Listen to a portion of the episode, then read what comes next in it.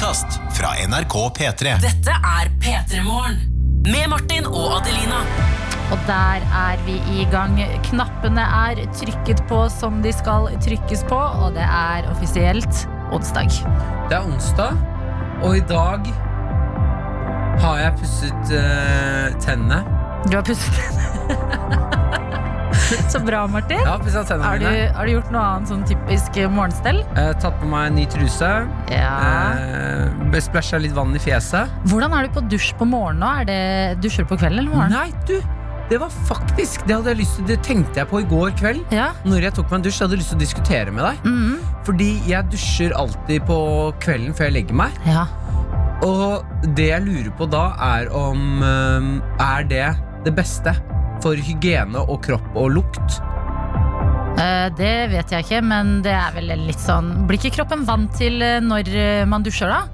Hvis du dusjer på morgenen, så går det så blir kroppen vant til det, og så blir du, kan det gå et døgn mellom hver gang du dusjer. uansett. Nei, men jeg tenker på at uh, fra jeg dusjer Dusjer du om morgenen? Jeg? Nei. Dusjer på kvelden. Du dusjer også på kvelden. Ja. Fra vi dusjer til vi er på jobb, Ja. så eh, er det et lengre strekk enn fra hvis, hadde, hvis vi hadde dusjet på morgenen Ja. og så møtt opp på jobb. ja. Så jeg mener at vi to går rundt og lukter da, da 20% litt dårligere enn alle andre som dusjer på morgenen. Kanskje, men vet du hva? Det kan jeg leve med. Fordi jeg tenker ofte på morgenen så må jeg kjøre litt sånn elimineringsteknikk.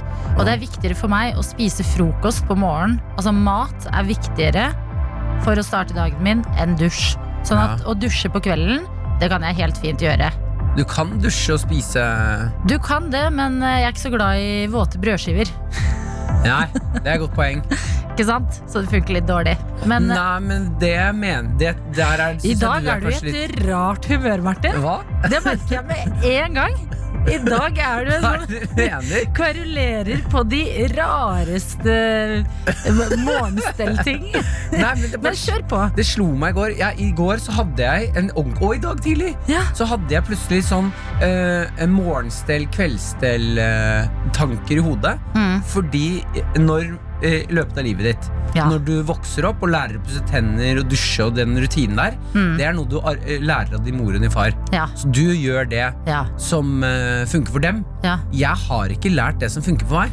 Jeg har bare gjort den standardtingen. ja men vet du hva? Da syns jeg du skal hoppe i det og lære deg dusjing.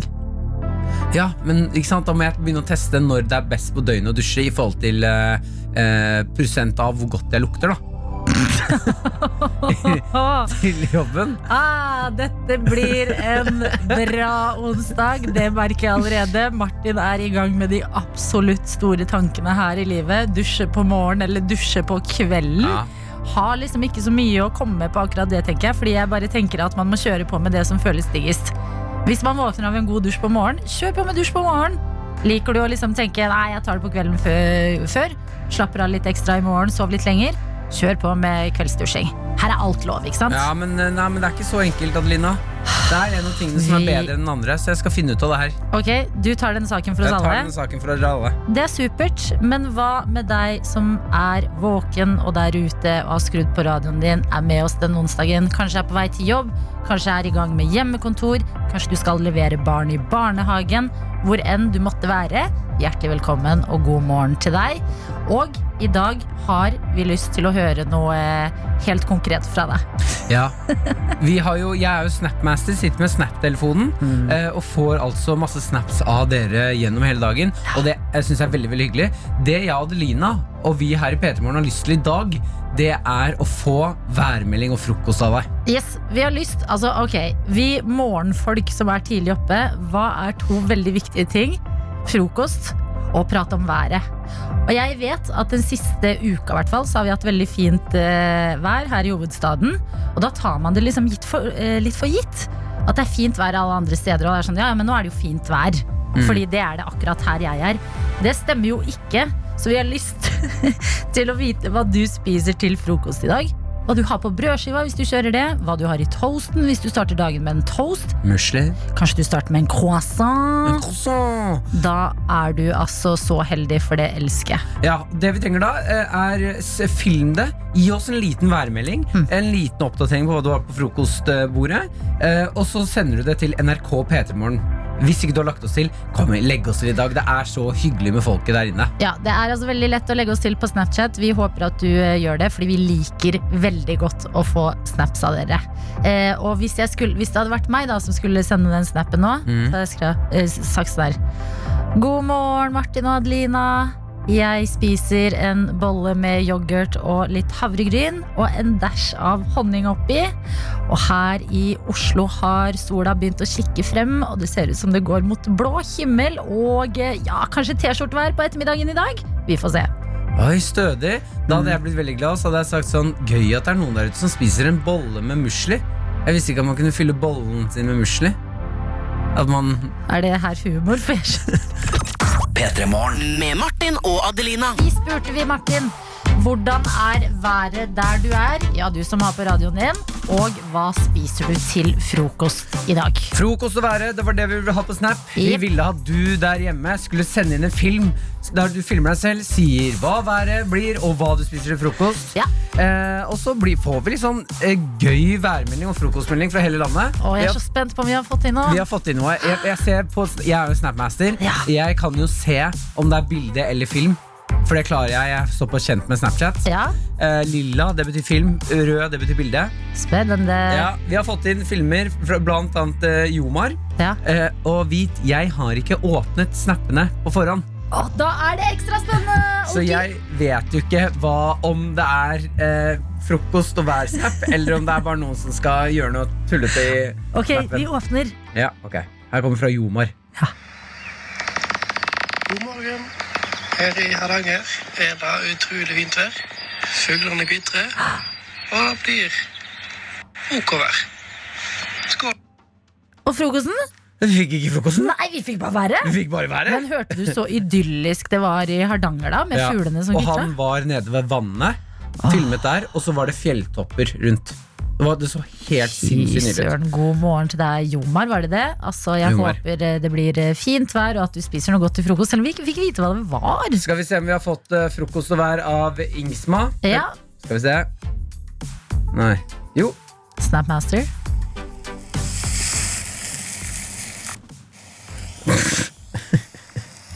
Her har han filmet Ingsma har filmet uh, nydelig og så har han filmet en skive med gulost. Folkens, vi må være litt strenge her. Eh, det er jo greit om eh, dere bruker dette snakketøyet Gud eller eh, naturen har gitt dere, alt ettersom hva dere velger å tro på.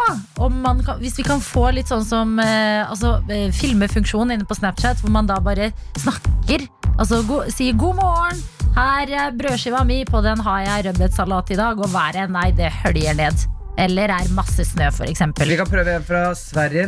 Ok, Skal vi se her. God morgen, Martin og Adelina. Her er sola ved Veitvet for første gang på turen. Og frokosten er banan. Hilsen fra Kaffe Sverre. God morgen, Kaffe Sverre! Yes!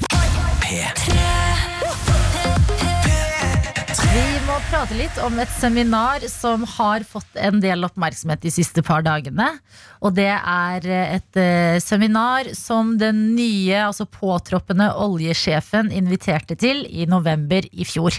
Har du fått med deg den saken, eh, Martin? Nei. Ok, Det som har skjedd, hvis man kan forklare det så enkelt som mulig, det er at eh, nå har vi en ny oljesjef. Eh, han heter Nicolai Tangen. Og han er en finansfyr fra London.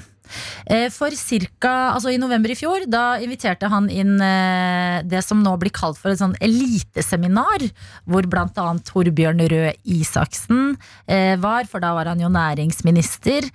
Og veldig mange i næringslivet i Norge, sånn høyt der oppe, ble invitert for å mingle, utveksle litt ideer og tanker. Og ikke minst få en konsert, en en privatkonsert fra artisten Sting.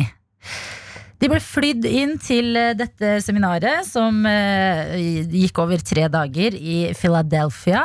Og der var også den forrige oljesjefen, han som nå går av. Og dette har vi først fått vite nå, og det er litt sånn herregud, hva har skjedd her? Fordi at man tenker sånn, burde ikke folk ha granska litt hvor eh, tette bånd det er mellom alle disse folkene som eh, var eh, på dette eliteseminaret? Og ikke minst olje, den nye oljesjefen som kjenner den forrige oljesjefen veldig godt. Henger vi med? Ja, nå, jeg bare hang meg opp i eliteseminar. Det, var det det blir som- det var det som gikk opp for meg. Der har de eh, spist veldig mye fancy mat. Altså Det som har vært greia, er at eh, Nicolai Tangen, som blir vår nye oljedirektør, eh, har sagt at dette var veldig Det var ikke hemmelig. Det er ikke grunnen til at man eh, ikke har snakket om det. Men eh, folk ble likevel spurt om å ikke dele det i sosiale medier og prate høyt om det. Fordi at det ødela liksom litt fokuset med dette seminaret, hvor man har møttes, spist deilig mat, drukket fin vin, fått flotte privatkonserter og generelt bare Altså alle har blitt fløyet inn på den nye oljedirektørens regning. Ja, for det er jo sånn, Hvis jeg også har fest hjemme, så spør jeg folk om de ikke kan snakke høyt om det. For det ødelegger jo litt moroa, da. Nei, det er kult om dere ikke legger ut på Insta-story nå. Nå skal jeg ta et kult partytriks, men ingen legger ut på Insta-story, ok? Nå kommer Sting, ikke si det til noen. Ok? Ingen kons ah, Det er jo faktisk bra. Ingen konsertstories, for det kan man bli litt sliten av. Oh, ja, ok, men Der har de faktisk eskort. Ja, altså Der har han gjort det riktig. Men hele altså, essensen i, i problemet, og grunnen til at det prates mye om, er fordi at eh, kanskje det er da litt for tette bånd. At kanskje det var liksom eh, eh, Grunnen til at han nå har fått eh, jobben, bør liksom må man sjekke inn i at var helt eh, ærlig og ordentlig gjort, da. Hele rekrutteringsprosessen. Men det jeg syns er litt spennende, det er sånn Altså jeg syns jo det er dritspennende at eh, sånne her seminarer eh, fins. Eh, og at folk drar på så flotte turer og utveksler ideer og Men tror du at eh, for å være melde deg på datingsiden Elite Singles, så må du, må du ha vært på eliteseminar? Å, det er gøy å tenke på. Men det jeg også tenker litt, er sånn herregud, folk sier Fordi tankene mine de går automatisk til Exit. TV-serien Exit. Fordi da den kom, så var den jo helt sjuk, og den er eh, Altså, der skjer det så mye at man klarer nesten ikke å tro det. Men saker som det her gjør at jeg klarer å tro på Exit. At det fins sånne hemmelige, lukka, flotte fester. Blir litt skuffa over at det er Sting som er eh, showet, og ikke masse eh, hva skal man si, strippere og kanskje litt eh, Kanye West eller et eller annet litt kulere. Det blir jo litt mer komisk når han bare Og nå Nå kommer jeg håper det er en konferansier som bare Kveldens underholdning! Ta vel imot Sting! Alle sånn, hvem? Det, så, er det, så kommer Sting? Og Torbjørn Røe Ah. Isaksen bare Hæ, er det, er det dette? Nå Har jeg det visst dette? Skikkelig rockefest. Ja, hva er altså Sting? Jeg har nesten glemt låtene hans til og med. Han er liksom foreldra vårs eh, det, Sånn Det er jo jo deres generasjon uh, Justin Bieber. Ja, på en måte. så men- de har jo truffet på noe. Ja, bare hvor mye uh, Når de inviterer på el- eliteseminar, Mm. er det da uh, kun for de som jobber i, i samme bransje som han olje... Ja, for det, det Eller er kan man, er eliteseminar liksom alle de ser på som elite? sikkert en god blanding, da. Men det er vel folk altså Det er jo typisk da at man skal eh, eh, networke litt, eh, prate litt om eh, bransjen man jobber i, de tingene der.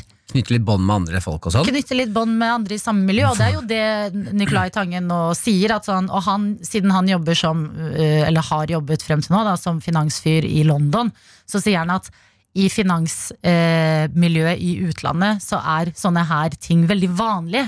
Og det med at man ikke skal snakke om det, det er noe som kalles for Chatham rules. Chatham som man driver rules? sier hele tiden. Ja. Det er sånn Chatham rules, da prater man ikke. Man, nei, det er ikke vits i å nevne ting som har skjedd, fordi It's a eh, Chatham rule. It's Chatham rule. Oh no, I didn't know. Så neste gang eh, vi, en av oss har fest, når det blir lov, da selvfølgelig Og da skal det så Chatham rule. og hvis noen rules. spør hva er det for noe, så er jeg bare ah, du er ikke liten nok. Sorry, du kan Oi. ikke komme. Sorry, du kan ikke komme inn. Her gjelder Chatham Rule, så hvis du ikke vet hva det er, nei, da går det dessverre ikke. Men er det ikke litt, eh, er det ikke litt stas med litt sånn, eh, et lite vindu inn i den der almighty finansverdenen, da? Jo, det eneste jeg lurer på, er hvordan bli elite. Hvordan bli elite? Ja, Ja. hvordan bli elite? Hva skal jeg til? Hva skal vi til? Hva skal vi til? Hva skal til for at vi får lov til å komme oss inn på elitefesten? Ja. Hvordan kan Dadelina og Bartin Ja, hvordan, hvorfor blir ikke Ja, Hvordan kan vi komme oss inn på en sånn fancy exit-fest en eller annen gang? Ja, vi må bli elite, da. Ja. Vet du hva, vi må, vi må skjerpe oss. ja. Vet du hva, jeg tror vi må fjerne eh, og hestehodene vi har tatt inn i studio og tulle med. Vi må bli mer Vi må stramme oss opp og bli litt mer elite. Kanskje vi skal ha en sånn super-exit-dag snart? Åh, elitefest. Her i elitefest. P3 Morgen, hvor vi inviterer inn folk til å prate om finans, ha på oss dress og drakt og Hva drikker finansfolk? Åh, nei, De er drikker ikke så mye, de tar vel bare kokain. Ja, du der ute nå, bare vit, i framtiden nå snart så kommer det en elitefest, men ikke si det til noen, for det er Chatham Rules. Det er Chatham Rules som gjelder. Dette er P3 Morgen. Med Martin og Adelina. Det er veldig hyggelig å ha deg med denne onsdagsmorgen, men jeg har dessverre litt kjipe nyheter. I går var en veldig I går tok en veldig dramatisk vending eh, Nå begynner jeg nesten å gråte. gråte. nei, nei, nei, hold masse. Adelina, Det er ikke noe farlig, det er bare fordi jeg er veldig frynsete, og jeg Ja. er veldig glad i sykkelen min.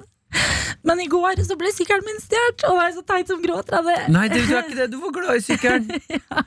I går opplevde du, Adelina, Ja. noe alle i hvert fall jeg vet i Oslo har opplevd minst én eller to ganger. Ja, Og det tror, er at de mister sykkelen sin. Ja, og nå starter et liv med at jeg alltid må kikke rundt etter den fine gule sykkelen med en kurv, hvor enn jeg går og bare er den der, er den der, og ha et lite håp. Fordi jeg har jo blitt så glad i å sykle til jobb, Mm. og jeg sykler til jobb nesten hver eneste dag. Ja. Og i går så går jeg ut på parkeringsplassen etter jobb, og jeg blir helt sjokkert over at noen har stjålet sykkelen min. Ja. Og jeg møter en fyr der, og han bare Han sykler inn på sin sykkel. Jeg kjenner han ikke i det hele tatt. Jobber et eller annet sted i NRK. Jeg bare Jeg står altså og bare er helt sjokkert og bare Noen har stjålet sykkelen min. Og han bare Nei, nei, nei, du har sikkert glemt hvor du har parkert den, sier han til meg. Og jeg bare Nei, jeg er ganske sikker på at jeg parkerer akkurat der hver eneste dag. Og det som er grunnen til at jeg er så opprørt, er fordi det er en uke siden jeg satte meg inn i shit, kanskje jeg burde få meg en mye bedre lås. Og så Ja. dro jeg på et sykkelverksted, og så sa jeg hei, jeg har lyst på en lås som gjør at sykkelen min ikke blir stjålet. Og så sa jo han sykkelverkstedfyren til meg sa han, nei du, den låsen der er helt grei, jeg har ikke noe bedre enn det du har. Du, Adelina, eh, det har vi faktisk For jeg har, vi, vi husket sist eh, Vår produsent Line Ja. husket sist du snakket om det, så hun har hentet bitte, bitte litt lyd fra forrige uke. Ja. Der du snakker om det, så vi Ja. kan høre på det. Ok, Mange Jeg fikk lyst til at noen skulle prøve å stjele sykkelen min. Mm. Bare fordi en fyr på et sykkelverksted driver og forteller meg at nei, sykkelen min den er jo ikke noe, det er ikke noe tyver har lyst på. Og jeg angrer sånn på det der. Og Ja. i tillegg til det så har jeg litt dårlig sykkelkarma, tror jeg. Fordi jeg sykla på en sykkelsti. Og så var jeg en sånn irriterende person som bare Hei! kan dere sykle på én rekke, eller? Og så Men- angra jeg litt etterpå. Adelina, eh, fordi det, siden du har mista sykkelen din nå, Ja. så vil jeg bare si at det, det første eh, eh, Når du sa det her, Ja. jeg som din gode venn tenkte at kanskje jeg skal få ønsket ditt oppfylt. du er så stygg, Martin! Jeg har stjålet sykkelen! Det var jeg som stjal sykkelen til Adelina!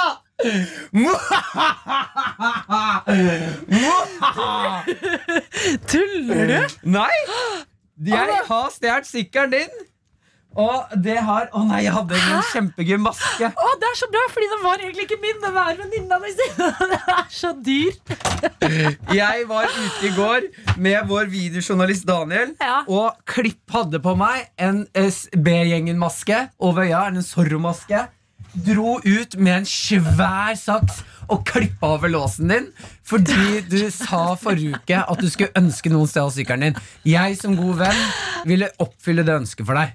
Og jeg, jeg klarer ikke å bli sint engang. Jeg var så glad for at sykkelen min ikke er stjålet. Er det sant? Men Adelina, Ja. sykkelen er ikke din helt enda. Hæ? Sykkelen er ikke din helt enda. Får jeg en rebus nå? Du får en rebus.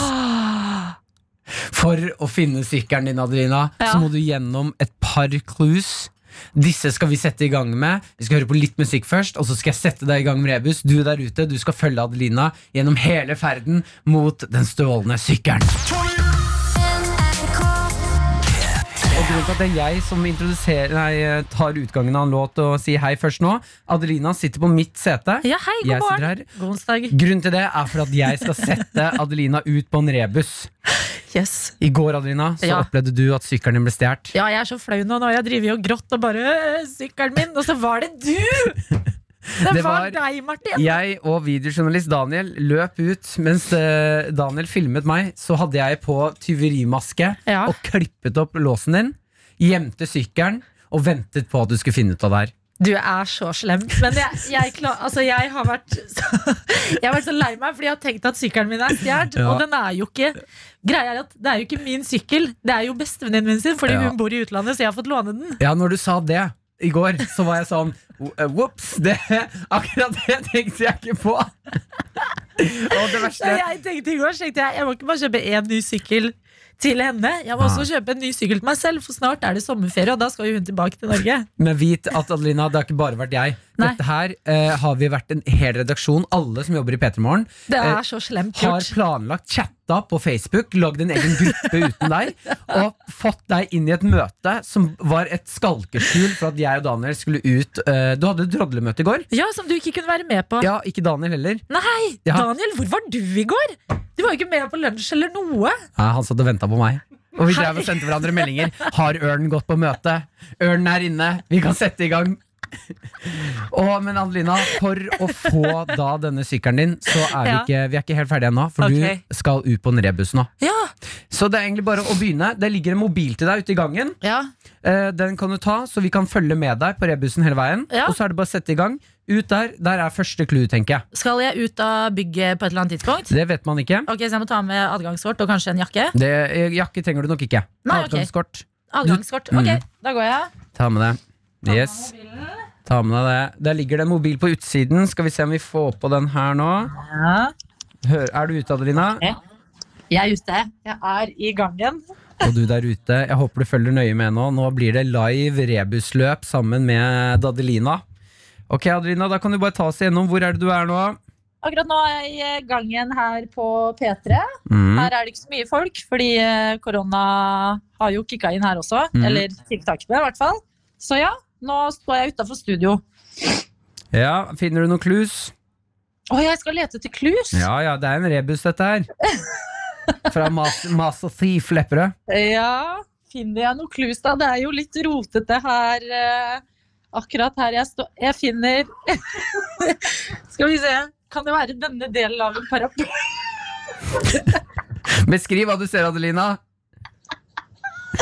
Er det, det er liksom håndtaket på en paraply. Et okay. paraplyhåndtak. Ah. Er det det?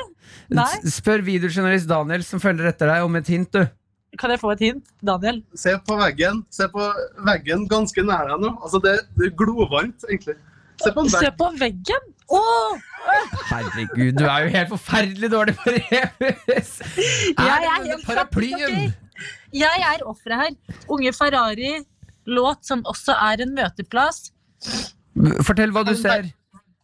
Ja, jeg ser plakat av Unge Ferrari. Mm. Bildet her, og så er teksten Unge Ferrari-låt som også er en møteplass. Ja. Unge Ferrari-låt som også er en møteplass. Hva er det for noe, da?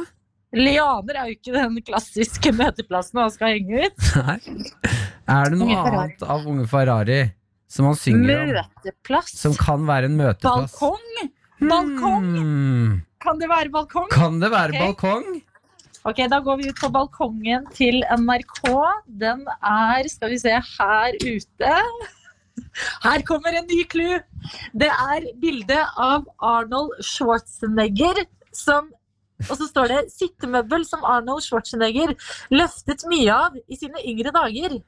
Det er vel en benk, er det ikke det? da? Ja, ja, det kan jo være. Kan benker. Kan Ja, være. Den er ute på balkongen. Kan melde om veldig fint vær her i utafor NRKs eh, lokaler. Benk. Det er jo en benk, Nå skal vi hører du trekker inn alt snørret etter at du har grått litt. Adelina. Ja, jeg, jeg gjør det. Det er, her er det en ny clou. Ja. Herregud, dette er spennende. Skal vi se. Oi, oi, oi. Her er det bilde av paven minus E. Pav henter jeg ut av det. Og så er det en smiley minus SM. Ja. Da er det Eili. Smil minus SM. Pav-il. Og så er det buljong minus bull. Paviljong. Oi, er paviljong! Jeg ser en paviljong. Ja, Jeg løper! løp, Anita, løp! Er det en ny crew nå, eller er det sykkelen min? Her er jeg i paviljongen. Der! Der er sykkelen min! Er det? Er det sykkelen? Den er her! Vi er gjenforent! Ja! Ja! Herregud, for en dag. Og gratulerer, Adelina. Takk, Martin. Jeg er så Jeg er egentlig så sint på deg, for det var så slemt. Men jeg var så glad for at sykkelen ikke er stjålet. Så nå Nei, nå går det greit. Uh. Ja, Dette her fikk en eh, lykkelig slutt, Adelina, og da veit vi at du må kjøpe deg en bedre lås, for den låsen din var dødslett å klippe opp. Da ses vi tilbake i studio. Martin og Adelina ønsker deg en god P3-morgen. P3 Morgen. Jeg har lyst til å snakke om en ting som jeg vet at vi begge to har fått eh, litt med oss, Adelina. Ja. Dette her, eh, Denne saken her handler om joikakaker. ja. Ja, som Store joikakakegate. ikke burde hete lenger. Nei. Jeg vet at vi begge to følte oss litt dumme når vi fant ut at joika er ekstremt rasistisk. Ja, det var jo den her store striden mellom Altså samarbeidet mellom eh, joika og eh, Tice som eh, Det var der det på en måte begynte, hvor folk da Altså blant annet eh, Ella Marie var også ute og reagerte og sa bare at eh, ok, kult at eh, joika, de som lager joikakaker, nå går fra metallbokser til pappbokser. Men skal du gjøre noe med det rasistiske innholdet sitt snart?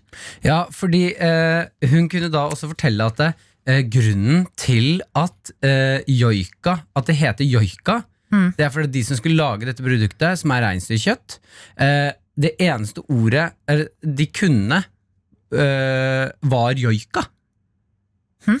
Altså, det, er, eh, jo, eh, når de skulle lage, få navnet Ja. på joikakaker Ja, eh, Joika kommer fra joiking. ja, Eh, og det var det eneste disse folka som lagde produktet joikakaker, Ja. kunne om samer. Så de bare Ja, det er noe joika. ikke sant? Som er megaracist. Ja, eller det er i hvert fall veldig ignorant. Og så I tillegg så er det, går det mye på den Fordi på, i logoen så er det jo da en eh, sånn tegnet same ved siden av matretten. Mm. Den får også kritikk for å ikke være en eh, bra fremstilling eh, av noe som helst, egentlig. Mm. Og i tillegg så er det Det er vel også sånn kjempelite eh, viltkjøtt Ja, i, nå, nå, i de kakene. Før var det sånn 80 eller 90, nå er det sånn Ja. 12% eller et eller annet. Ja, ikke sant? Så man bruker liksom samisk kultur for å profitere, da, basically. Ja. Og man bruker det ikke riktig engang. Nei, og dette her gjør meg så trist. Fordi jeg elsker joikakaker. Ja. Jeg har vokst opp med joikakaker. Mm. Jeg, eh, når jeg begynte å date kjæresten min, så hadde hun en sånn kokebok hun skrev inn gøye oppskrifter i for å lære seg å lage ordentlig mat. ja. Der skrev jeg inn en boks joikakaker, par poteter, koke, varme opp, så har du en fancy middag. Det var det første jeg skrev i den boken. Og ja, liksom, du kjøper en boks og koker noen poteter, Ja. eller lager kakene fra scratch. Å nei, nei, nei, nei, nei. Nei, nei. Det må man boksen. aldri finne på, for de er Ja. gode nok i seg selv. Mm. Uh, og det at jeg da har gått rundt og frontet Du har vært en joikakakens mann. Ja! Jeg har gått rundt og fronta det her, og da mener jeg Men også syns jeg det er så rart når det har Fordi joikakaker har eksistert i hund... Altså, jeg kan ikke huske å ikke ha hatt joikakaker i livet mitt. At de da ikke har gjort noe med det! Mm. Det syns jeg er så sjukt. Men sånne ting tar tid. Altså, sånne, eh, det er jo derfor det er bra at folk reagerer på det, Fordi da kommer man i hvert fall fremover. Og eh, folk som deg, da, som elsker joikakaker, og meg, som prøver å liksom Jeg føler jeg klarer å henge med på, på hvor lista ligger her i samfunnet. Men ikke engang jeg skjønte hvor eh, ille joikakaker var. Og vet du hva som skjer nå, Adelina? Nei. Det som skjer nå, er at vi plutselig har blitt litt sånn eh, besteforeldre. Ja. Så, jeg følte meg litt grann som en sånn eh, bestefar som har brukt det N-ordet. Ja. Og så sier eh, barnebarnet sånn Det må du ikke si. Mm. Hæ? Jeg har jo sagt det i alle år. ja. Dette var min Altså, når jeg da har kjøpt Men tenk, med samene så har resten av landet vært besteforeldre hele tida. Oh, De prøver å si ting og forklare oss, og vi bare Hæ? Ja, men det har vi sagt Ja, eh, i alle år, vi. Ja, det må være greit, det. Er det ikke det? Ja. Hvorfor det? Jeg vokste opp med joika.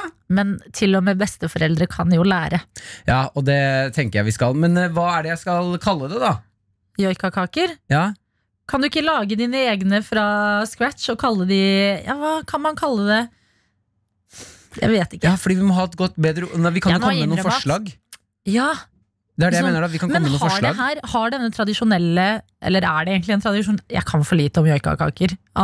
Det kan det jeg har lært nå. Men sånn, er det en rett som finnes fra før av, som har egentlig et annet navn? Det aner jeg ikke. Nei. Men det er vel noe med sammensetningen av den gode, gode sausen. Ja, Og og de litt, eh, litt grann Møre, møre kjøttbollene. Eh, Det kan hete mm, Ja, men det er litt um... Å nei, det er Mils, det. Ja, det er Mils, Ja, ja. det er Mils. Hva Ja, med. Å, dritdigg kjøttkaker!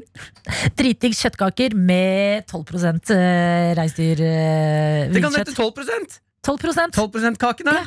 12% kakene! 12% viltkjøtt i disse kakene. Du, hva ble det til middag i dag, da? Det ble sånn 12% Ja, men da lærer vi. Det er det som er bra. Vi feila litt. Vi skjønte ikke helt at eh, joikakaker var litt racist. Ellers så kan vi bare kalle det rasistkakene. Rasistkakene. Ja. Ja, jeg skal ha litt rasistkaker i brun saus. For å minne seg selv på hva man egentlig har drevet med. Vi snakket akkurat om eh, disse joikakakene som eh, burde bytte navn eh, Ja. så kjapt som mulig. For det er, eh, ja, det er egentlig et rasistisk eh, navn. Merkevare. Mm. Eh, og vi prøvde å liksom finne ut for, ga, å gi forslag til nye navn. Ja. Og da fikk vi et veldig fint et på Snapchat. Det var fra Valte, som skriver joikakaker. Det burde hete reinsdyrkaker fra nord. Ja, men hva med reinsdyrene midt i landet, da? Nei, men Det er jo reinsdyr Det er jo også reinsdyr på Røros og ting. Det er jo ikke noe ord. Å nei. Det er det, det, er det jeg mener. da At jeg skjønner at joikakaker er eh, Der burde vi bevege oss fra. Men det er også et minefelt når man skal finne et nytt navn. ja, ok, Skjønner du? ja, at sånn, da, da må man ta så mange hensyn. Må fordi bare, nå er- bare reinsdyrkaker. Reinsdyrkaker, punktum. Reinsdyrkaker i brun saus. Reinsdyrkaker i brun saus. Er ikke det Så enkelt var det. ja, en, en grei, eh, grei, greit navn? Jo. Med Martin og Adelina. Vi har jo pratet litt om uh, sykkeltyveriet som jeg opplevde i går. Viste seg jo at tyven var Martin Lepperød. Mm. Uh, det er uh, 100% mer ro i kroppen min nå enn det var i går, da jeg dro fra jobb i tårer og tenkte herregud. Åh, tenkte jeg. Nå er det altså det er korona, det er restriksjoner, det er masse å forholde seg til. Sykkelen blir i tillegg eh, stjålet. Det var én løsning i mitt liv, og det var å unne meg selv en liten tur på Vinmonopolet. Og du gikk Du knakk, ja? Ja, jeg var bare sånn Ok, det er eh, Nå, nå går de enten retning eh, et eller annet godteri på matbutikken, Mm. eller retning et eller annet på Vinmonopolet. Og så var jeg nærmest Vinmonopolet, så tenkte jeg jeg kjører på. Det blir trøstedrikking, rett og slett? På en måte. Eh, Jeg skulle jo ikke drikke den alkoholen her alene, heldigvis. Men likevel så følte jeg sånn ok, nå, nå kan jeg jo. Jeg har jo hatt en tøff dag. Herregud, jeg fortjener jo det her. Det er veldig gøy eh, når man har hatt en tøff dag, Mm. at man i hodet sitt da er sånn Nå fortjener jeg å, å, å ruse meg litt på alkohol. Ja, tenk på det. Tenk hvis man sa hver gang man skulle drikke alkohol Nå skal jeg ruse meg litt.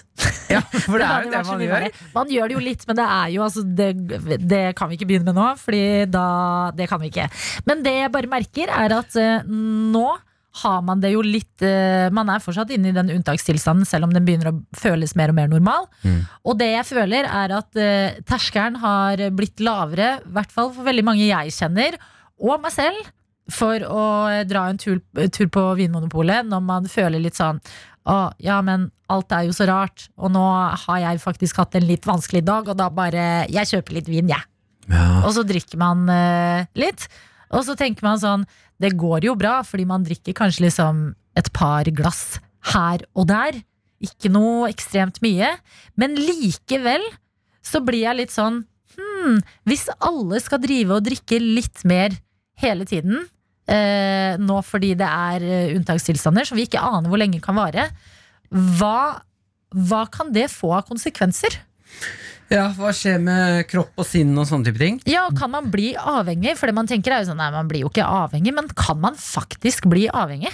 Jo, ja, det tror jeg man kan bli. Ja. Jeg mener man kan bli det ganske kjapt. Folk har blitt det. Eh, For, det har skjedd da, Adelina, at folk har blitt avhengig av alkohol. Ja. Eh, Og det jeg merker på det der, er at jeg er ikke noe flink. Jeg, jeg ser litt grann opp til personer Mm. som kan drikke sånn, sånn som du. Som kan ta deg liksom to glass Ja. på kvelden, og så er det stopp. Ja. Jeg kan ikke det. Fordi hos meg så er det enten så drikker jeg ingenting. Drikker jeg vann, liksom. Kanskje jeg tar et glass saft Ja. for å være litt gæren. Ja. Eller så drikker jeg meg liksom sånn hamrefull. Tar jeg ett glass, da er det noe inni kroppen min som er sånn ja, da, er det bare, da kommer det stemme. Da kommer, da kommer den lille satanstemmen min tilbake. Nei, nei, nei, nei, og er sånn Satan, drink blackout. You're gonna blackout night. Og du våkner neste dag og bare Hva skjedde egentlig i går? Altså, Sist jeg drakk eh, et par glass med Nei, det er en liten stund siden. Da jeg drakk eh, Skulle drikke to glass med kjæresten min på kvelden. Ja. Det endte opp med at hun gikk og la seg. Jeg åpnet en flaske alene, satt oppe til fire på natta Ja. og spilte Spiderman på PlayStation. Ja. Og husker ikke den siste timen. Ikke sant? Ja, men det, det er, altså Alle har et eller annet forhold til hvordan man drikker det. Og jeg føler i hvert fall når jeg ser på min vennegjeng, de er oppegående folk med jobb. Mm. Noen av de er permitterte nå. Men så tenker jeg, vi drikker mye vin, dere. Sånn, vi føler at Vi føler at det er greit, fordi at vi ikke er eh, Altså, eh, alt annet går jo helt greit i livene våre. Vi eh, har steder å bo, vi har jobber. Og så tenker man sånn, nei, det er jo ikke et problem at man koser seg litt i ny og ne, men når man koser seg litt og ned oftere og oftere, kan det da bli et problem? Lurer jeg på, og derfor får vi i dag besøk og skal prate om nettopp det her med hvor mye alkohol man må drikke før man begynner å bli litt avhengig. Vi skal prate litt alkohol, og det skal vi gjøre sammen med deg, programleder i NRK-serien Fylla, og ikke minst forfatter av boka Bakrus. God morgen, Ole André Sivertsen. God morgen. Du er med oss fra hytta.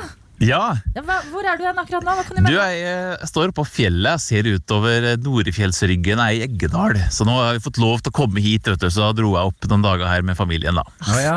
Nå er det jo sånn at folk koser seg litt sånn ekstra med alkohol i disse tider. Ja. Hvordan er det med deg? Du, eh, jeg må holde litt strengt regime her, altså, for det er, det er jo skolehverdag. Så, eh, og jeg jobber jo litt sjøl òg, men det er litt eh, Det er skummelt, da. Det er skummelt at man får den der lørdagsfølelsen, ikke sant? Hver dag. Ja. Og det den hyttefølelsen, i hvert fall. Men Ja. altså, um, vi har eh, snakket eh, en del om, om det, og det virker som alle eh, drikker litt mer nå som det er unntakstilstander. Hvorfor tror du det Mm. er sånn? Nei, Jeg syns det er ganske åpenbart. Da. Eh, Det handler om eh, kontrollregimer, eh, jobb. Du, du har ikke de der faste rutinene som du skal inn i, og derfor er det mye lettere å slippe unna med det. Og det er egentlig ganske typisk, for når jeg har begynt eh, research til liksom, hva, hvordan kan man kurere bakrus, da, så det jeg fant var jo egentlig folk som prøvde å løse akkurat det at folk ikke kom på jobb. Gamle Sovjet, Finland, de har forska fantastisk mye på bakrus. Og det var jo fordi at folk drikker seg snydens, og så går det ut over arbeidet.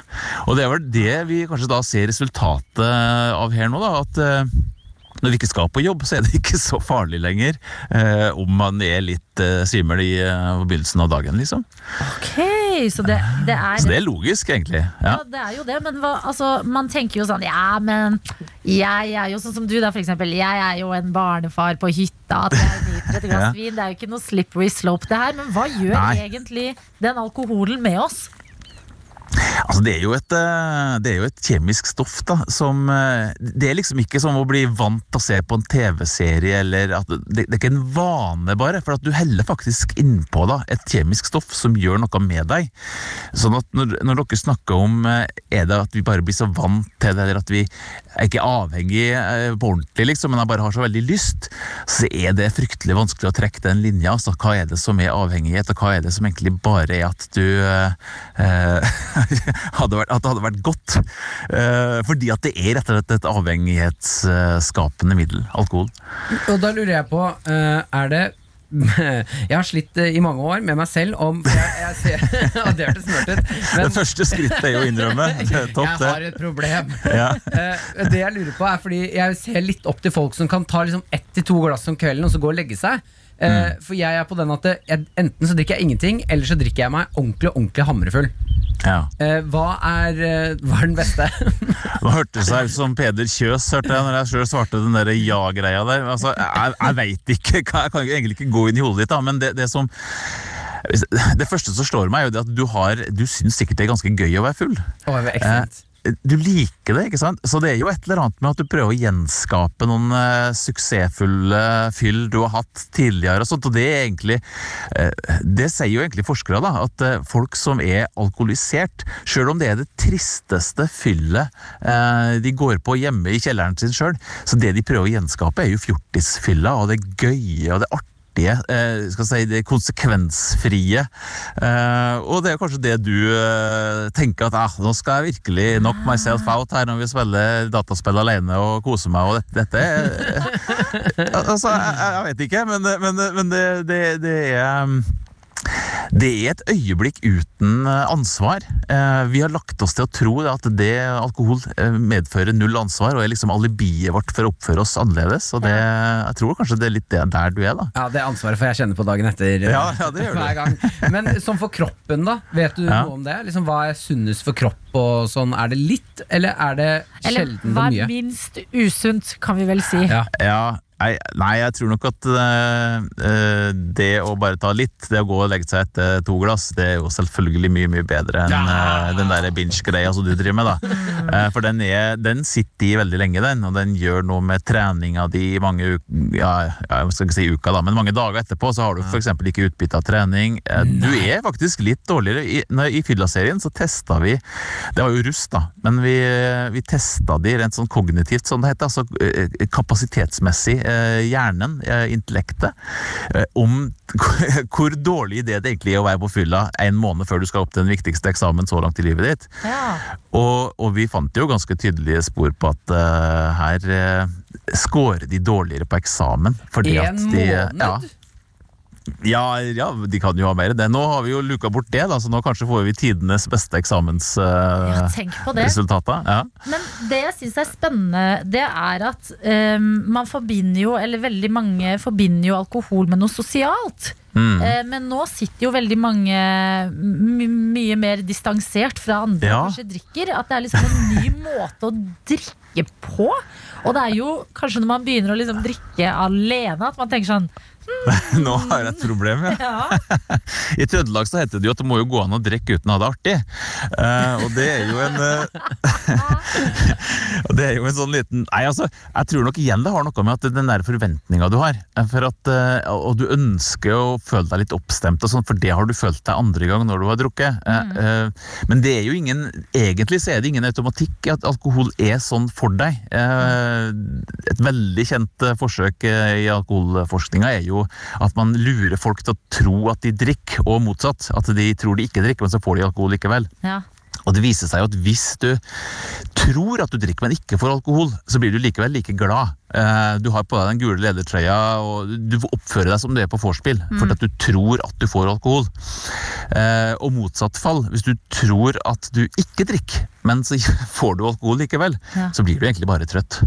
Så, så det er egentlig bare en sånn tillært greie, det der med at vi skal bli sånn super-happy på den første og andre drinken, liksom. Det, det er bare et, uh, et sosialt fenomen, rett og slett.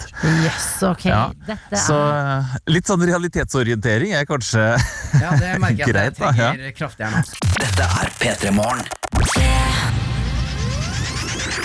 Med Martin og Adelina. Det går fortsatt bra opp eh, i solveggen på hytta. Ja da, det, det er ingen avhengighetstegn her, egentlig. Altså. Supert, fordi nå må vi Vi må røre litt i det som er litt skummelt å tenke på. Fordi ett glass her og ett glass der, det virker jo bare koselig og fryd og gammen. Men hvor mange ett glass her og ett glass der må til før man kanskje faktisk begynner å bli litt sånn fysisk avhengig av alkohol, som jo egentlig er Altså det er jo et rusmiddel. Ja, altså jeg tenker at det eh, jeg, jeg, vil, jeg vil være forsiktig med å si at det, tar du tre glass om dagen, så er du avhengig og sånt. Altså. Men, med, og det der finnes det haugevis av tester på både VG og Dagbladet og NRK sikkert. Men jeg tenker jo at det øyeblikket du begynner å velge bort andre ting for at du har så lyst på eh, et glass eller to, da tenker jeg at du er liksom i den derre sonen at eh, nå eh, kanskje skal vi se om du bare kan la det være. Eh, For, for det er det første tegnet på, en måte, på at det begynner å ta en litt for stor del av tilværelsen din. Da. At du, du eh, lar være å gjøre andre ting, enten å gå ut og trene f.eks., eller at du eh, lar være å lese Nei, jeg leser bok, det kan du jo kombinere, så det er kanskje ikke Her hører du, vet du. Ser muligheter for hva kan jeg kombinere med drikkinga. Det er første tegnet. Ja. Men ok, Det er jo litt sånn den psykiske delen av det. Men jeg har jo for eksempel merket etter en helg da eh, på mandagen at jeg har litt blåmandag. Og når kvelden kommer, så er det sånn ah, shit, nå, nå kjennes det ut som kroppen har lyst på øl. er, er det eh, oppi hodet mitt da, eller er det en eh, ekte avhengighet i kroppen, liksom? Ja, det, det der er jo det, Jeg tror nok ikke at vi kan si at det er en avhengighet av kroppen din. For det, det, er nok et eh, men, men hva er kroppen din, og hva er hodet ditt? Altså, det her er kjemi, ikke sant? Og hvis jeg skal gå litt sånn teknisk inn på det, da, så er jo det at det at du La oss si at alkoholen gir deg en liten boost. da. Når ikke alkoholen er der, så er du liksom litt under normalen i boost-nivå, for å si det sånn. da. Sånn at eh, kanskje føler du at du trenger litt for å komme deg opp på det nivået som eh, du ellers vil være. Og det at, vi, altså Hvis det er det som gjentar seg gang etter gang, etter gang, så er det liksom det røde flagget. da. For det er jo egentlig det som er avhengighet. At du trenger alkohol for å eh, komme opp på det stemningsleiet som du vil ha normalt. Ja, bare for å være på stabilt nivå, liksom. Ja, ja. Mm. Men Det er det du selv opplever som normalt, da. Mm. mm, det jeg lurer på, eh, Ole André, og som jeg har liksom tenkt eh, en del på Fordi du sier det er når man begynner å velge bort andre ting. Det er Ja. kanskje da man eh, må begynne å tenke litt. Men eh, det å drikke alkohol, det gjør man jo ofte med venner. Det er Mm. hyggelig, man er sosial, man ser folk man ikke har sett på en stund. Man føler at man eh, At du velger det. Du velger jo å prioritere venner. Å være sosial og gjøre ting som er bra for deg, så er bare Mm. alkoholen eh, Alkoholen den er der alltid, for sånn har det bare blitt. Men kan man bli liksom avhengig av den der Altså Når man Ja. sitter alene i leiligheten og det er korona, at man Ja. tenker et glass vin, det minner meg jo om å være i parken med vennene mine. Ja, det gjør nok det. Altså, eh, alkohol er det som vi kaller for et sosialt glidemiddel. Det er det som, ja, eh, Man sa jo liksom 'makes people talk', da, og det, det stemmer veldig. Eh, at det er kulturelt, er, er man ganske sikker på. For det, det trenger absolutt ikke å være sånn. Men alkohol gjør noe med deg. Det, det eh, akkurat dette her med at du ikke blir så eh, skarp. Da. Du blir ikke så eh, analyserende, du blir ikke så avhengig av hva slags sosiale eh, relasjoner man har til folk. Isteden blir man mer sånn avslappa til hvem det er som snakker. Du blir rett og slett mer interessert i å høre på hva andre folk uten at du kanskje må snakke sjøl hele tida. Sånn. Det der gjør at folk snakker lettere når de eh, får litt alkohol i seg. Og det har vi blitt så vant til at vi, mm, kanskje mange av oss i hvert fall, ser på det som en helt naturlig del av det å være sosial. At vi skal ha den der lille alkoholen for å senke terskelen for at alle sammen skal snakke uproblematisk med hverandre. Dette gjelder i hele verden, utenom i Bergen, der plapper det i vei uansett. Da. Ja, I noen kulturer hvor man ikke drikker alkohol i det hele tatt. da Ja da. Eh, altså vi hadde, da vi eh, lagde fylla, så gjorde vi dette forsøket. Og det, vi demonstrerte jo egentlig bare hva som har blitt eh, undersøkt i forskning. da. Eh, og da ville vi jo veldig gjerne vist den effekten. Men vi fikk en som ødela, og det var en som var muslim og ikke trakk til vanlig. Han var jo så god sosialt at han babla i vei selv om han ikke fikk eh, alkohol. Å, gøy. så han måtte vi jo bare ta rett ut av forsøket. Det var jo, ødela jo alt. Eh, men ok, jeg liker veldig godt den tanken med at hvis du prioriterer andre ting, da er det røde flagg. Eh, men si at eh, nå prioriterer jeg eh, eh, Nå prioriterer jeg bort eh, de andre tingene og velger alkoholen. Jeg Mm. veit at i morgen så kommer jeg til å, få kjenne på smerten. Har du noen gode tips på hvordan fjerne denne fyllesyken som vi vet kommer? Du, jeg har så mange gode råd. Ah, det, er det, jeg skrev, det er det jeg skrev en hel bok om, vet du. Men det blir jo som å avsløre eh, hvem som drepte det, Nei da. det er litt hemmelighet med oss. Du, Det står masse om det i, i boka mi, eh, men, men eh, hvis jeg skal gi deg kortversjonen, så selvfølgelig, jo mindre du drikker, jo bedre. Men det å eh, Prøv å ikke bli så fort full. Eh, Prøv å dra det litt over lang tid, for kroppen eh, trenger liksom tid til å nøytralisere alkoholens virkning. Og hvis den klarer å få tid til det eh, Problemet er jo at hvis du ønsker å bli veldig berusa, så, så er det på en måte det du blir eh, veldig dårlig av òg, da. Men eh, det fins en, det det jo en medisin, da. Det gjør det. Okay. Drikk vann mellom glassene. Er det ikke det? ja, ja. ja. ja er det, er sånn det, kjerneråd? Det er den kjedelige. Selvfølgelig må du drikke vann. Hva var den Eh, gøye medisinen? Gi oss den gøye, da. Den gøye medisinen er hvis du eh, går på apoteket og spør etter en medisin mot menstruasjonssmerter som heter Naproxen, så har den, så har den det, er- det, kalles, det er jo en betennelsesdempende medisin. Og det som er at hvis man tar det, så eh, forhindrer det utskillelsen av et stoff som heter prostaglandin, som gjør at for- forårsaker veldig mye smerte. Men det skal sies at tar du den medisinen, så øker du faren for å få uh, magesår. Ja, så folk så- som gjør dette på et permanent basis, de bør styre unna den type medisinering. Altså. Vet du, jeg merker at jeg heller tar Men- fyllesyken enn magesår. ja, ja, magesår er ikke å anbefale, altså. Men det er nød, nød, nødmedisin, vil jeg kalle det. Ja, da går jeg tilbake til det kjedelige. Jeg drikker et glass Ja. vann mellom slaget er en, en trygg eh, klassiker. Eh, boka hvor du, som du nevnte, hvor det står mye mer eh, om nettopp disse tingene, den heter Bakrus. eh, Og Bakrus er en røff guide til dagen derpå. Ja. ikke sant. Shit, Eh, den lese. takk for at du var med oss fra hytteveggen din og eh, ga oss en liten innføring at eh, vi må, selv om man unner seg litt ekstra her og der, så er det greit også å tenke litt over hva man faktisk driver med. Ha en nydelig dag videre, og takk for at Du- du var med oss. Takk i like måte. Bare hyggelig å være med.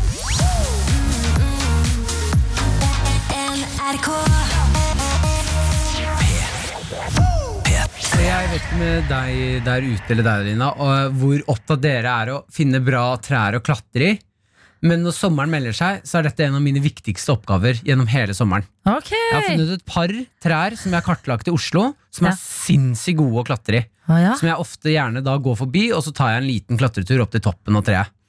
I går så fant jeg et nytt tre. Ja. Sjukt bra klatretre. Hva definerer et godt klatretre? Ja, godt eh, klatretre er eh, når greinene eh, Det er vel egentlig nederst det er viktigst, at greinene hjelper deg opp. Ja. At du har gode greiner å støtte deg til helt i starten av klatreturen. For når du kommer opp, så er det ganske enkelt å bruke stammen og greinene oppover. Ja, støtte er alltid viktig når Ja, man skal på en krevende tur. Ja, Du må kunne klare å komme deg opp i treet uten at det er for stort problem. Gøy med en liten utfordring. Det fant jeg i går. Kom meg opp i et tre i går som jeg tenkte sånn Klarer jeg det? Fy søren om jeg klarte det, da. Men opp. hvor, hvor stort tre snakker vi? Sånn, sånn mega Kjempestort tre. Park, sånn tre, sånn tre som er i park. Sånne svære trær. Jeg klatra opp i treet i går. det, er så, det er så lite som kan overraske. Er sånn, selvfølgelig kan man rusle tur i parken, og der på topp, eh, i toppen av et tre så sitter du. Litt sånn som Askepott, ser jeg for meg. Den, jule- den Askepott-varianten som går på julaften.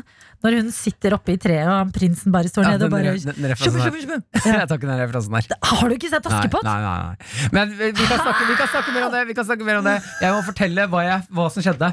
Fordi når jeg klatrer til toppen av treet, så er det jeg kommer, jeg kommer helt til toppen. Ja. Da er det noen som har festet et, noe som ser ut som et sånn bitte lite reagensrør. Som Ja. ser ut som det kan være noe dop i. Det ser Ja. skikkelig shady ut. Okay. Inn i en tråd og feste det oppi en grein. Det ser ut som noen har skjult det. Ja. Jeg sitter oppi treet alene. Kjæresten og vennene mine er der nede på bakken. Jeg tenker wow! Ja. Nå har jeg funnet en, en sånn dealers hasjgjemmested. Jeg har funnet et rør med hasj eller et eller annet shady. Ja, du tenker at noen ser deg? Ja, ja, Jeg får helt noia med en gang og blir sånn Å nei! Tenk om han fyren ser meg nå og er sånn Han er fyren. Han oppi treet. Han må ut. Ja. Vi må ta han ut. Ja, vi må eliminere han. Ja. Eliminer fyren i treet! Jeg tar med meg denne flasken ned. Ja. For jeg blir, så jeg blir så nysgjerrig, og jeg tenker at nå har jeg funnet en skatt oppi et tre. Hvor ofte er det det her skjer med deg?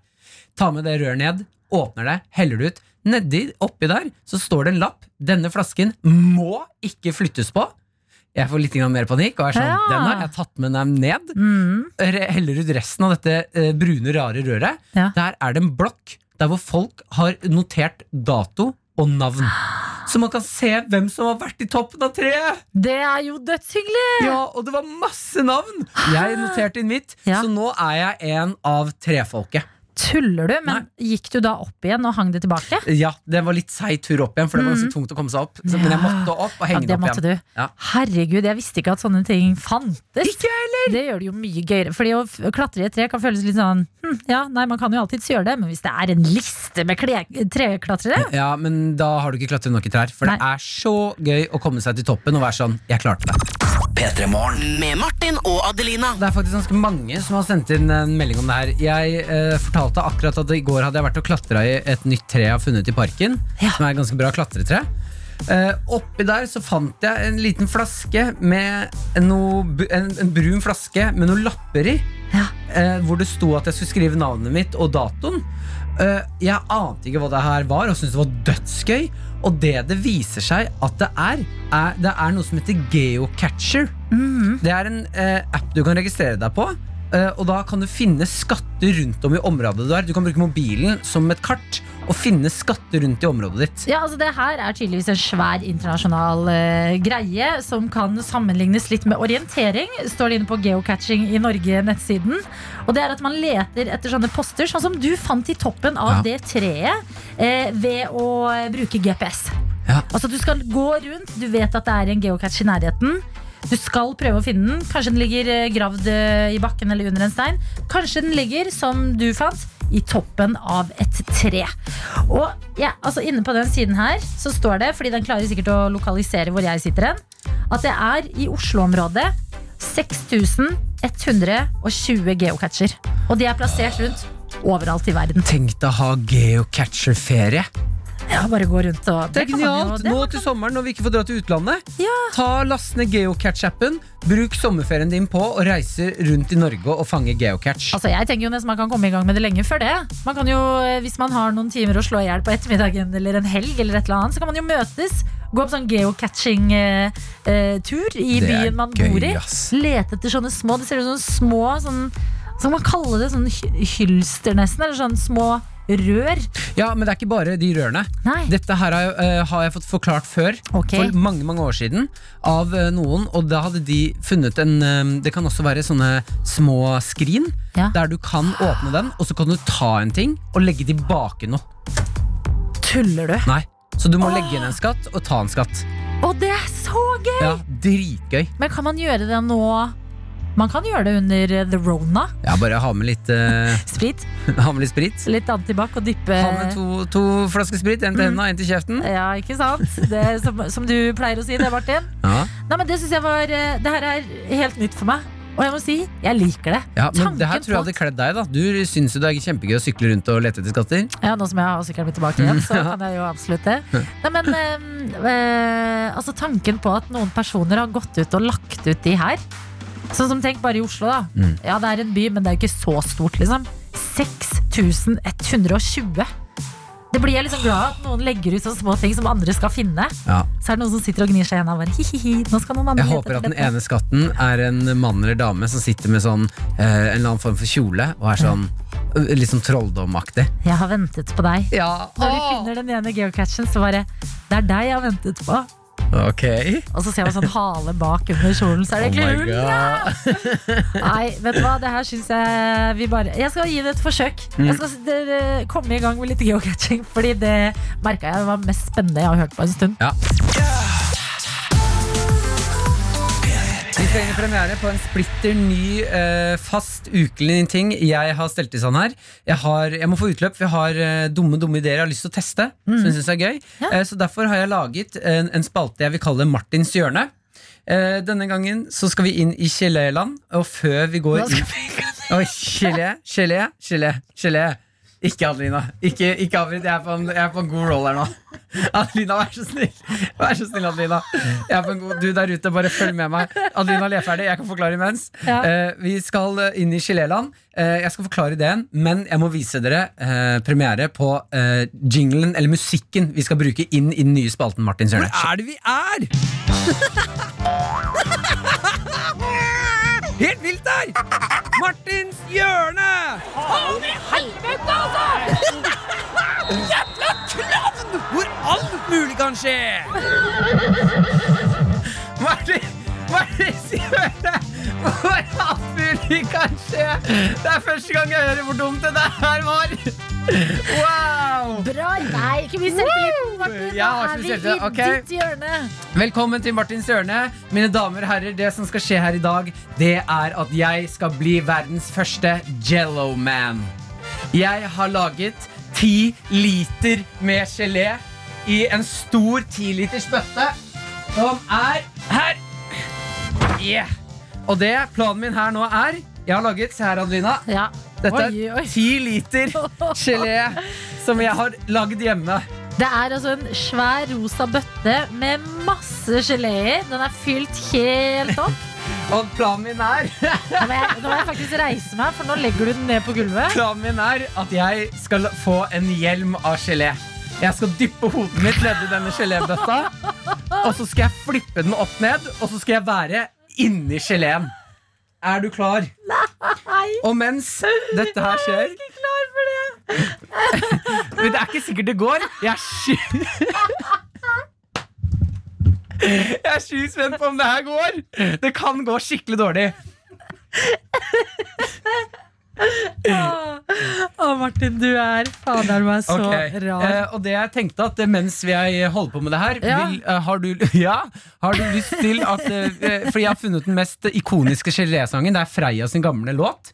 Ja. Gelé Å, Så jeg du lurer jeg på- lagde låter? Mens jeg blir gelémannen her nå, så kan Ja. vi ha den litt i bakgrunnen. Ok, Skal vi prøve på det? Men bare ta oss gjennom Du kommer til å ta oss gjennom hva du gjør? Ja, ja. Jeg Ja. kommer til å forklare Da hele kjører veien. vi eh, låt. Å, den er god. Ok, Da får du også beskrive litt, for når jeg dypper hodet Det jeg skal nå er å dyppe hodet hardt nedi den bøtta her. Så hodet mitt forhåpentligvis setter seg fast i geleen. Reise meg opp, flippe bøtta, og da er jeg inni geleen. Det er liksom planen i hodet mitt. Jeg vet jo ikke om det her kommer til å gå. Jeg dør! Dette har jeg aldri testet før, eh, så du får bare beskrive hva som skjer når jeg jeg setter i gang. Ok, der. Ok, Ok, Oi, Kom igjen, Martin. Det er mye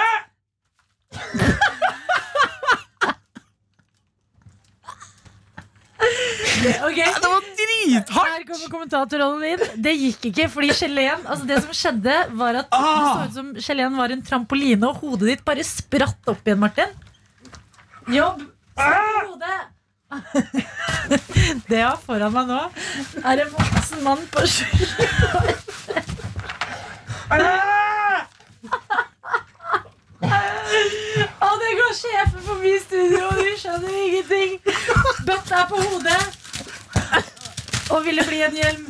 Nå drar han den opp.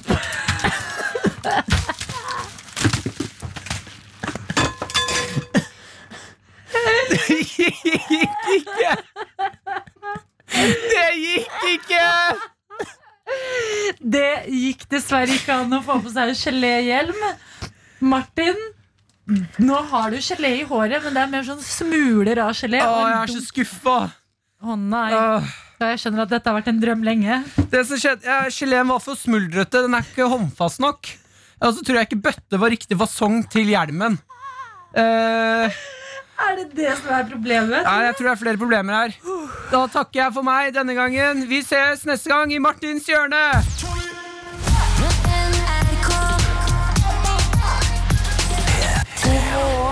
Og velkommen skal du være her hvor det ikke er eh, noe Martin Lepperød i studio akkurat nå.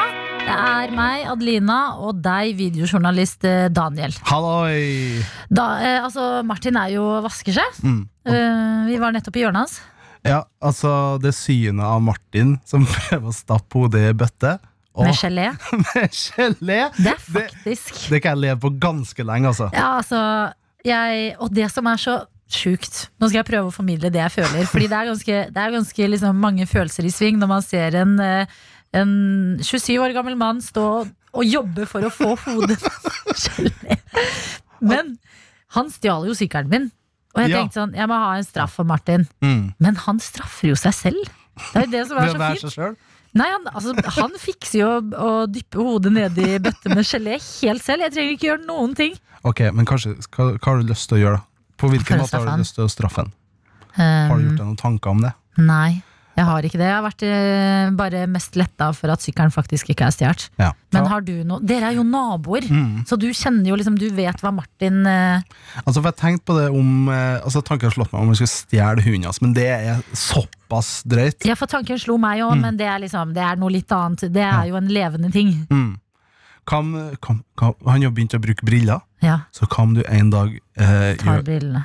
Ja, eller gjør noe, gjør noe med brillene. Altså, hva, kan, man gjøre, kan man ha det sånn, alle, sånn briller som gjør at du eh, sånn, Hva heter det? Sånn eh, berusa briller? Altså, sånn Ja, som briller- fillebriller. Ja, sånn fillebriller. Mm, Kan jo bytte ut glassene. glassene med sånn fillebriller. Går det an?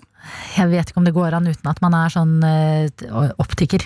Ja. Og briller er så Det er, det er ikke så lenge siden jeg skaffa meg, så er så dyrt og så mye hassle med dem at jeg er redd for å Ja. ødelegge dem. Ja, men Vi bare lager en sånn replika. En Ja. klone av hans briller. Ja, ja, ja. Det, det, det, jeg- det syns dere gjør. Ja. Så at når han vi, altså kan jeg, jeg er naboen hans, Ja. så jeg kan jo snike meg inn når han ligger, eh, Ligger og sover. ligger og sover. Så kan jeg Mm. bytte ut brillene. Så når han sykler Nei, det blir Mm. Oi, nå kommer han. Nei, nå kommer han. Nå Vi må gi oss. Men vi er inne på en roll, og hvis noen Ja. andre har lyst til å sende meg tips, Mm. adelina.ibishi at nrk.no. Det er min mail. Velkommen tilbake, Martin Lepperød. Jo, du, takk skal du ha. Hei, hei. Har du fått vaska deg litt? Jeg har fått vaska meg. Ja. Det var uh, faktisk mer klissete med denne geleen enn jeg trodde det skulle bli. Mm. Men vi var i geléland, og det var, eh, det var et sted å være, det òg. Ja, Hva har dere gjort, da? Nei, vi har egentlig bare snakket om eh, hvor fint det var at Jeg snakka om været. Været. Vær. Ga du ut mailen din? Ja. Ja. Hvorfor det? Nei, jeg, før det ga jeg ut også telefonnummeret mitt og litt uh, ting og tang. Hvorfor Fordi, Nei, I tilfelle noen har lyst til å slå av en prat eller en mailprat eller noe. Ja. Ok, Dere ser jævlig lure ut nå. Vi er Du, ikke det. Vi er dumme som brød. oppriktig spørsmål med tanke på gelépåfunnet i stad. Ja. Eh, Du har valgt rød gelé. Rødfarga gelé. Ja. Er det eh, estetisk valg, eller Det- er det det er fordi at det er den geleen du liker best? Nei, det er et bevisst valg. Eh, Ja. Grunnet til at det rød farge på geleen Det er det jeg tror folk flest forbinder med gelé. Ok, Ja, Hvis du skal gå på gelé Gelé? Fy søren, ass. yes. Eh, Så går man for rød. Det er den klassiske barnebursdagsfargen. Ja, men sånn vaniljesaus, eh, Digg vaniljesaus. Ja, hvor jeg mener at vaniljesaus Det har ingenting å gjøre på gelé. Men vet dere hva jeg savner? Vi har begge innspill nå. Mm. Daniel, kjør på du. Nei, jeg er uenig. Jeg, jeg, eller jeg, jeg er uenig. Du må, du må ha litt uh, saus, altså. Nei, fordi sausen Ethvert måltid uten saus er ikke et måltid. Enig! Nei, men gelé er ikke et måltid, det er dessert. Og folk som putter vaniljesaus på geleen, de, det blir bare vaniljesaussmak. Og så mister du geleen. Geleen er jo det beste. Det er komboen. Tullball. Smash hadde ikke vært det samme om det var bare sjokolade eller eh, sånn salt Mm. nacho-chips. Nei, men hvis jeg hadde fått en pose med eh, 50-50 blanda gelé og vaniljesaus og Smash, så kunne jeg vært med på det. Men geleen er jo helt åpenbart ment å spises og nytes alene. Ja, jeg vil bare skyte inn en uh, siste ting her før vi skal gjøre hva Norske tilstanders planer er. Jeg savner da man var i barnebursdag før og fikk gelé som det var godteri inni. At de hadde lagt oppi godteri da det var, før det hadde stivna. Og så fikk du masse sånn godteri, sånn krokodiller og kirsebær og ting inni geleen. Åh, hva tider, ass. Men da lurer jeg på, tror du det er mulig å legge seg i et badekar fylt med vann og gelatin, og ligge i det lenge nok til det stivner, og så er du inni geleen? Dette høres ut som eh, Martins hjørne neste uke. P3